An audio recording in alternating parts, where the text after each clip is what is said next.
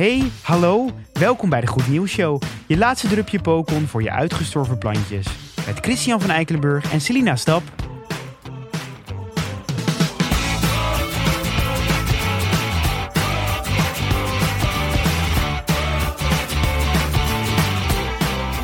Nou, over uitgestorven plantjes te, te praten. Ja, ik, ik had het nu eigenlijk een beetje over, over jouw plantje.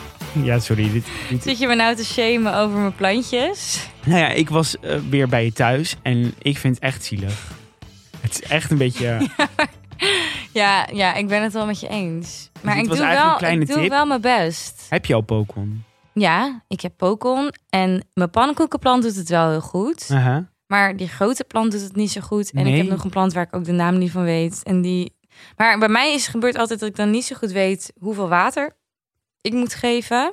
En meestal doe ik dan te veel. En dan merk je het, want dan worden ze gelig of dan houdt ze dan denk ik, oh, dan moet ik nu even een tijdje geen water meer geven. Want dan komt het weer goed. Maar zo werkt het natuurlijk niet. Want Nee. dan droogt hij weer uit. Nee, Ehm, en Maar daar goed, gaat het mis. misschien, ik, misschien moet ik je dan toch wat tips gaan geven over planten. Zeker. En Ik ik, heb al een app planten. ook gehad, Plantsum, dat het dan aangeeft. Ja, maar dat je- helemaal nergens op. Plensum. Dankjewel. Ja, sorry. Het heeft ook niet gewerkt. Nee, ik, ik ben ook boos op Plensum.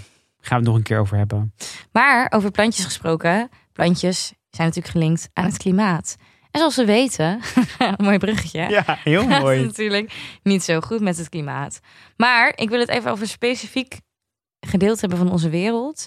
Namelijk de staat Wyoming. En dan vooral, vooral het gedeelte Koolstof County. Oftewel Carbon County. Oftewel de koolstofgemeente. Want Wyoming is een hele conservatieve staat. Voornamelijk Trump-stemmers. En sinds Biden aan de macht is, nou, waren ze er eigenlijk niet zo blij mee. Dachten Hmm. ze, wat jammer dat Trump niet aan de macht is. Maar waar ze wel blij mee zijn, is dat Biden heel veel geld steekt in klimaatneutrale plannen en ook echt beleid om Amerika klimaatneutraler te krijgen. Nou, zij woonde in Koolstof County. Koolstof County stond bekend om kolen, olie en gas. Dus dat was ook een stadje. Ik kan er foto's van laten zien. Dat eh, staan in de, in de show notes straks. Als je het ziet, je wordt er echt meteen verdrietig van. Het is allemaal zwart zand. Dat daar mensen wonen is echt werkelijk waar ongekend. Maar die kolenmijnen moesten natuurlijk dicht. En ook door corona was het natuurlijk ook ja, niet meer zoveel omgang in olie. Dus, dus die stadjes in die county, die gingen eigenlijk allemaal een beetje ten onder aan het feit dat ze zo afhankelijk daarvan waren. Toen kwam Biden natuurlijk met zijn klimaatplannen. En wist je dat hij tien keer zoveel investeert in klimaatplannen dan Obama? Dat vind ik wel Nee. echt goed Dat wist ik ook niet. echt veel.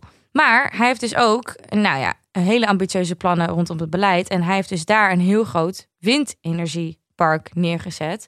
Waardoor dus die mensen die daar wonen uiteindelijk nu weer een baan krijgen. En eigenlijk heel erg voor dit soort plannen zijn. Maar meer omdat het gewoon economisch voor hun interessant is. En omdat ze hun leven weer op de rit krijgen. Maar niet per se omdat ze zelf geloven in klimaatverandering. Want daar, zijn ze, daar geloven ze helemaal niet in. Maar voor hun is dit gewoon interessanter. Dus iedereen gaat nu op dat windenergiepark werken. En is vrolijk en blij. Maar denk je niet dat ze nu dan toch een klein beetje denken van... Hmm, ben ik dan toch een beetje voorgelogen door Trump? Nou ja, in principe wat nu nog de vibe is niet. Die burgemeester zegt, zegt ook echt... Mensen haten ze, maar de aanvaarding groeit. Iedere keer dat ze een loonstrookje ontvangen... accepteren ze het een beetje meer. Is dat niet grappig?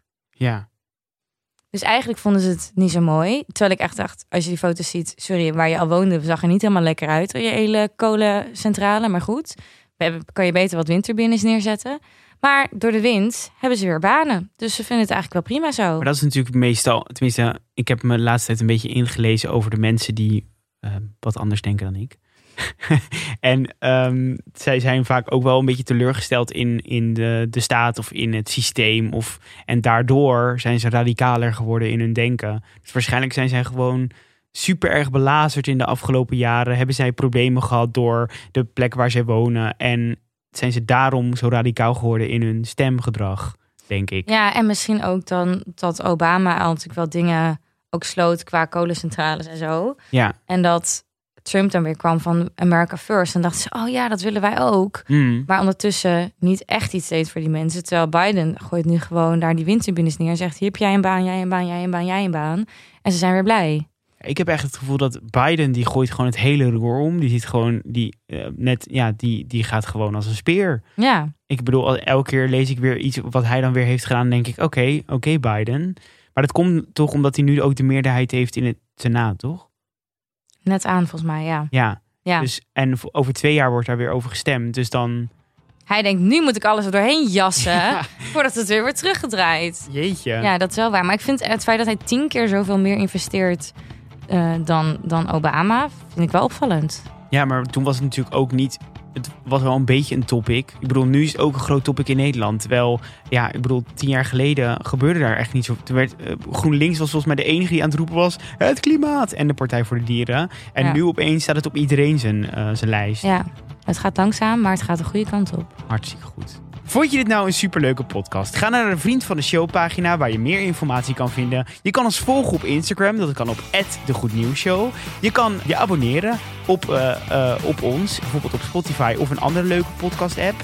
Of je kan ons een mailtje sturen en dat kan naar... De goednieuwsshow.gmail.com. En dan wensen we je een super lekker fijn weekend toe. Geniet ervan. Tot maandag! Tjus.